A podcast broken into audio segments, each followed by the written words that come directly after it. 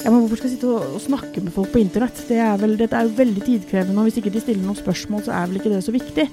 Men jeg tror at det er det som er viktig. I en stadig mer digital verden jobber selskaper i alle bransjer med å få bli relevante for kundene. Ny teknologi og økt tilgang til data endrer kontaktplaten med kunden, og dermed også kampen om kundens gunst. Jeg heter Skjult Kristian Aamodt, er gründer og administrerende direktør i Energy, energibransjens digitale kanal. Og med meg i studio i dag har jeg Astrid Valen Utvik, som jeg mener er blant Norges dyktigste innen kommunikasjon og sosiale medier.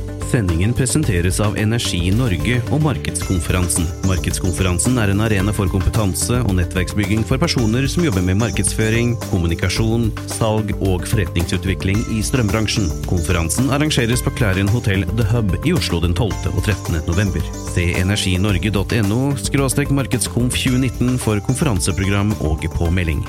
Ja, Astrid, hvem er du? Nei, jeg er uh, Astrid Valen Utvik. Jeg driver et uh, firma, eget firma hvor vi jobber med sosiale medier for bedrifter. Sammen med ektemannen min. Så har jeg tre barn, en hund og en undulat bor på Nesodden. Jeg er for vaksiner, selv om jeg bor der ute. ja, det skulle man kanskje ikke tro. Eh, nå prater du litt om at du har familie osv., men, men du, er, du er blitt kåra til Norges beste på sosiale medier?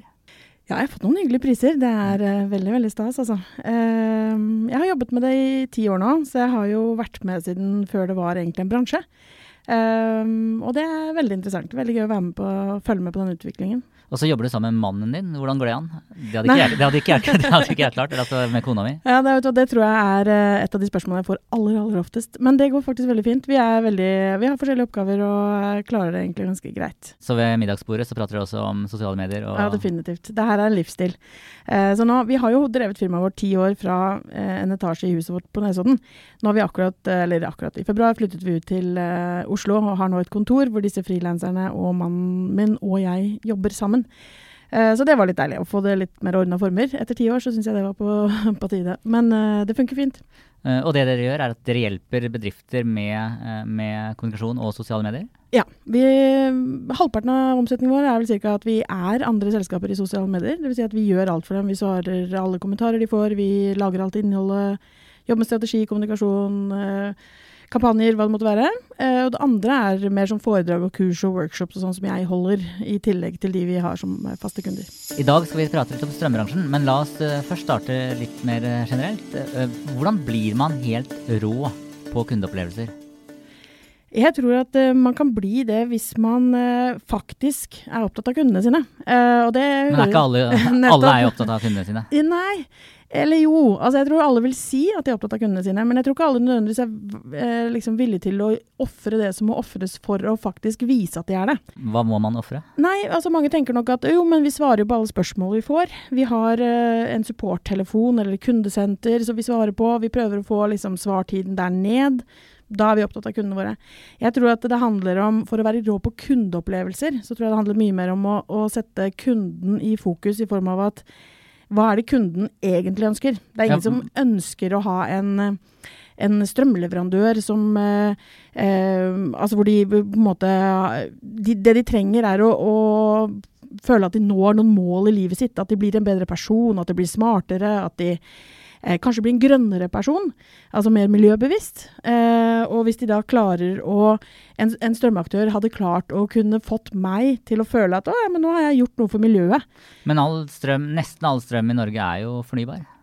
Jo, men jeg tror ikke det er ikke det det handler om nødvendigvis. Men det kan handle om at uh, enten at jeg føler meg smartere ved at jeg lærer noe, altså som gjør at jeg tar uh, En ting er, som du sier, all strøm er fornybar, men Eh, strøm er strøm for meg jeg, som kunde. Jeg er, eh, jeg er, ikke dypt bevandret i ulikheter mellom de ulike selskapene. Eh, men hvis en aktør hadde klart å formidle og tatt liksom, meg som kunde på alvor og tenkt OK, hva er det Astrid ønsker? Astrid ønsker kanskje, føler at hun gjerne skulle gjort mer for miljøet i hverdagen sin. Hvordan kan vi som strømaktør hjelpe henne å bli den helten i sitt eget liv? Eh, den som kanskje liksom har gjort noe bra for familien. Eh, den som har spart penger, som gjør at hun kan få mer tid med familien sin og jobbe litt mindre. Hvis man begynner å se liksom sånn på de kundene, og, og, lage innhold eller gjøre ting som gjør at man kan komme dit, så tror jeg du kan få en eh, Da tar du kundene ordentlig på alvor. Hvis du går ut av strømbransjen, har du noen eksempler på noen som tar deg, Astrid, på alvor? Nei, vet du hva, jeg syns det er veldig, veldig få som egentlig gjør det. Uh, vi snakker veldig mye om det, at vi skal uh, at vi skal liksom ta kundene på alvor. Eh, alle tenker det, men veldig mange av de bedriftene som jeg snakker med, de tenker det i en viss grad, og så med en gang det begynner å koste dem noe, i hermetegn, altså ikke nødvendigvis bare kroner og øre, men hvis det ja, men hvorfor skal jeg sitte og, og snakke med folk på internett? Det er vel, dette er jo veldig tidkrevende, og hvis ikke de stiller noen spørsmål, så er vel ikke det så viktig. Men jeg tror at det er det som er viktig. Eh, fordi eh, strømleverandører er et veldig sånn eh, pris... Spes, eh, altså spesifikasjons... Det er ganske likt. Jeg opplever aktørene som ganske like. Eh, og, og, da er det veldig lett for meg å hoppe mellom. Men hvis jeg opplever at jeg kjenner noen på en annen måte enn det eh, jeg kanskje kjenner noen andre, at jeg blir tatt mer på alvor hos noen enn noen andre, og det merker jeg på ulike aktører. Noen opplever jeg at er interessert i meg og være bra for meg. Uh, uansett om det nødvendigvis liksom koster dem litt tid, eller at de ikke men får solgt meg produktene. Men opplever å kjenne, da blir man jo plutselig uh, Da må man jo etter hvert bli personlig, og, og, det er kanskje litt vanskelig for de som er strømleverandører, som jobber med salg og markedsføring. Uh, de ønsker et privatliv òg. altså, skal de være bedriften, eller hvordan, hvordan ja. klarer man å skille på det? Ja, det klarer man helt fint å skille på. de skal selvfølgelig ha privatliv. eh, men sånn som jeg sa helt innledningsvis, så, så, er det der en livsstil. Så man kan ikke på en måte tolke Ok, nå skal vi gjøre sosiale medier, men vi gjør det fra åtte til fire når vi har kontortid. Sånn fungerer det ikke. Da kommer du ikke til å lykkes. Det var jo sikkert annerledes nå enn det var for uh, ti år siden, men hvordan fungerer sosiale medier på kundereisen nå? Det fungerer sånn at vi er nødt til å være der når kunden er der. Når kunden er i den riktige modusen. Altså vi sjekker Facebook mange, mange, mange ganger om dagen. Men vi må være der for kunden når kunden trenger det i det øyeblikket kunden har lyst til å ha en eller annen form for dialog med oss, og kanskje ikke engang skjønner at de har lyst til å ha en dialog med oss. Så det betyr at jeg tror at veldig mange av disse tradisjonelle organisasjonskartene, måten vi organiserer selskapene våre på, er nødt til å forandre seg. Eh, vi ser det allerede, det slår sprekker. Eh, fordi at eh, nettopp som du sier at ok, men folk kan ikke eh, Ingen bedriftsledere kan forvente at en ansatt skal jobbe fra åtte til fire og fra fem til elleve på kvelden. Eh, men når vi ser at det, eh, det, er da vi har mest effekt, ved å være engasjert på kvelden f.eks., som vi ofte ser, eh, så må de få kompenseres for det på andre måter. De må få avspasere, eller de må få begynne senere, eller de må få Og det, det tror ja, Så, så du mener at man burde egentlig mobilisert et større korps med markedsførere, eh, eller de som er i kontakt med kunden, på kvelden på sosiale medier? Ja, absolutt. Hvis du skal ha mest mulig effekt. Eh, stort sett for de fleste kundene våre så ser vi at det er, det, det er, kveldstid som gjelder, for det er da folk er i den modusen. Jeg er uh, småbarnspappa, har uh, ei datter på tre og ei datter på fire. Strømselgerne, uten å, å, nevne firma, de ringer på akkurat når barna er på vei til å sovne, ja. og står på døra med en iPad og sier at de kan skaffe meg billigere strøm, og jeg sier jeg prøver å legge unga. Ja.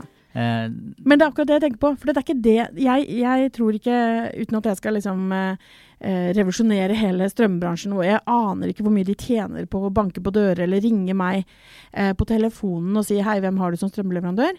Men jeg blir dritirritert når de gjør det. U nesten uansett når på døgnet. Om jeg, mine unger er blitt så store at de legger jeg ikke lenger, de legger seg selv. Men jeg blir sur allikevel. men hvis jeg sitter og surfer, som når du ser på barne-TV med barna dine, så har du kanskje ganske sikkert Veldig mange har i hvert fall telefonen sin eller Mac-en sin i fanget. Ja, jeg har vel egentlig en avtale om at jeg ikke skal gjøre det, men ja. Hvis, hvis du ikke sier det noen, så gjør jeg det. Nettopp, ikke sant. Fordi det gjør man. Og hvis de da hadde kommet inn og ikke sagt hei, vi, vi har den strømmen, hvilken aktør bruker du, eller eh, hvor mye betaler du i dag? Det er så irrelevant. Da går du bare på pris og spesifikasjoner, og det er, det er vi så ferdig med. Det er så lett å konkurrere på. Men hvis de i stedet hadde sagt sånn eh, Visste du at og så bare du gjør sånn eller sånn, så vil du kunne eh, spare penger som gjør at du kan være mer sammen med ungene dine. Eller hvis de til og med hadde skreddersydd det sånn at når du sitter og ser på barne-TV Nå er det litt vanskelig, da, for vi ser jo ikke på barne-TV på klokka seks som vi gjorde i gamle dager når vi vokste Nei. opp. Men, men, hvis man hadde liksom tenkt seg det, så kunne man sagt at nå sitter du kanskje og scroller på telefonen mens du ser på barne-TV med barna dine. Eh, hva hvis vi kunne spart deg litt penger som hadde gjort at du, kunne, du hadde råd til å legge fra deg den fordi, og være helt til stede med ungene dine, bare ved å gjøre sånn. Skru av ditt, gjøre datt, installere det. Aner ikke hva, det, hva, som kan gjøres. Men, men, det er helt sikkert noe. Hvis man heller byr på liksom kunnskapen og um, gjør deg klokere og gjør deg mer miljøbevisst og gjør deg mer som gjør at du kan bli en bedre far, bli en bedre kollega, bli en bedre sjef, bli en, ikke sant, alt det der, så tror jeg det er mye mer effektfullt for uh, selskapet. Selv om det er mer tidkrevende for dem, uten tvil. Sendingen presenteres av Energi Norge og Markedskonferansen. Markedskonferansen er en arena for kompetanse og nettverksbygging for personer som jobber med markedsføring, kommunikasjon, salg og forretningsutvikling i strømbransjen. Konferansen arrangeres på Clarion Hotel The Hub i Oslo den 12. og 13. november. Se energinorge.no markedskonf 2019 for konferanseprogram og påmelding. Altså en leder som på en måte har eh, hatt et, eh, et, budsjett for de som går ut og banker på dørene, ringer på dørene og plager meg på kveldstid. Mm. Eh, hvordan får man denne lederen til å forstå at verden ser litt annerledes nå? Ja. Nei, det, det, er et godt spørsmål. Jeg tror at det er ekstre... Ofte så tror jeg det begynner med at en eller annen i organisasjonen begynner å tenke hm, hva, jeg også blir sur når de banker på dørene hos meg. Da gjør de kanskje det hos kundene våre også hm, kanskje vi skal tenke litt annerledes på det. Så kommer man kanskje opp med en idé i et ledermøte eller en eller annen intern greie, og så sier de at du, skulle ikke vi kanskje vært litt mer på sosiale medier, eller skulle vi kanskje ikke lagd litt mer innhold sånn, eller og så får ofte den personen ja, ja, flott, men da tar du den jobben. Og så må man begynne å bevise at dette skjer, og at det er litt uh, effekt her, og så, og så, vokser det seg større og større.